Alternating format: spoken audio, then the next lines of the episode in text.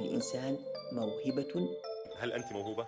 ولكل مخلوق موهبة الموهبة هي مجموعة من الخصائص تشكل قدرات شخصية للأفراد هذا تعريف مبسط عن الموهبة بكل مجالاتها أكيد كل أحد منا شاف أو سمع عن مواهب عديدة في الموسيقى والفن والرياضة وغيرها من المجالات لكن كيف طوروا موهبتهم؟ وهل قدراتنا الشخصية تتوقف إذا الظروف كانت صعبة وأكبر مننا؟ نتساءل عن مختلف جوانب حياة الإنسان كيف حدث ذلك من أفضل الطرق لفهم الحالة الحاضرة أن نحيطها بعدد من الأسئلة كل شهر نتحدث عن موضوع مختلف بشكل مفصل وشامل ما هي السعادة وكيف نحققها؟ لماذا نحلم؟ وما الذي يحدث في الدماغ أثناء الحلم؟ كل هذا وأكثر في محتوايز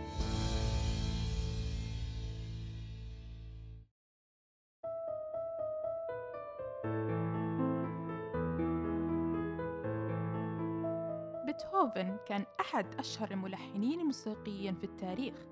بدأ تعلمه للعزف في سن الخامسة من عمره. لما لاحظ والده اهتمام به بالموسيقى وسماعها وبمساعدة من والديه ومدرسين آخرين متخصصين في الموسيقى استطاع بيتهوفن أنه يعزف أمام جمهور في سن السابعة. لكن بدأ بيتهوفن بفقدان سمعه لما كان عمره 26 سنة. ومع ذلك لم يتوقف عن العزف.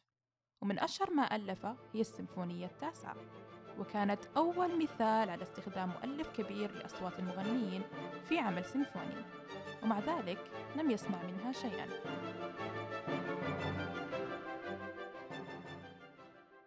إلى مثال في الرياضة. لما كانوا صغار كانت عندهم رغبة قوية أن يكونوا محترفين في كرة القدم. بالطبع كانت لديهم صفات مميزة في صغرهم ولكن كيف تطورت بعد ذلك؟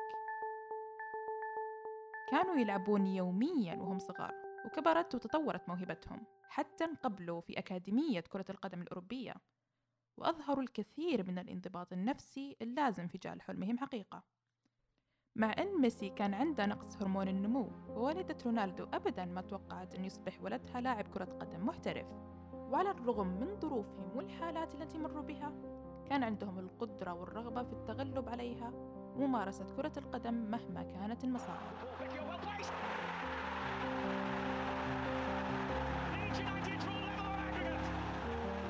الممارسة كانت من أهم العوامل اللي ساعدتهم على التخطي على العوامل الخارجية في طريقهم. واتفق الكثير من العلماء بأن الموهبة غالبا تصبح واضحة بشكل أكبر بعد كمية متوسطة من الممارسة وهذا يأتي في كثير من الأحيان نتيجة للخوض للعديد من الخبرات. من هؤلاء العلماء هو الطبيب النفسي إبيكا تشامبرلين. يذكر بأن معظم الناس لا يصبحون بارعين لأنهم لا يمارسون بما فيه الكفاية أو يستسلمون بعد فشلهم. ومشكلة أخرى أيضا أنهم يبدأون الممارسة بفكرة مسبقة عن نتائج التدريب أو مستوى يريدون الوصول إليه. الفن والرسم كمثال يبدأ الكثير والكثير بالتدرب على هذه الموهبة. يرسمون شيء مألوف أو يحاولون استنساخه أو رسم شيء مشابه له. ويصابون باليأس ويتوقفون بعد فشلهم في المحاولة. لكن اللي تجاهلوا التصورات المسبقة ورسموا شيء جديد بيكاسو. أصبحوا بارعين أكثر لأن قدرتهم على الاكتشاف كانت أكبر. أليكس كات واستخدموا خيالهم بدل من تكرار عمل الآخرين.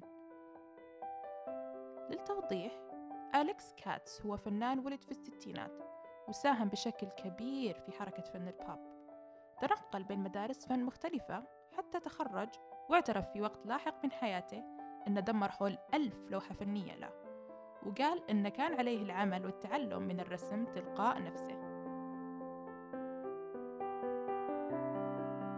من كل الأمثلة اللي ذكرناها نرى رابط يجمع بين كل المواهب.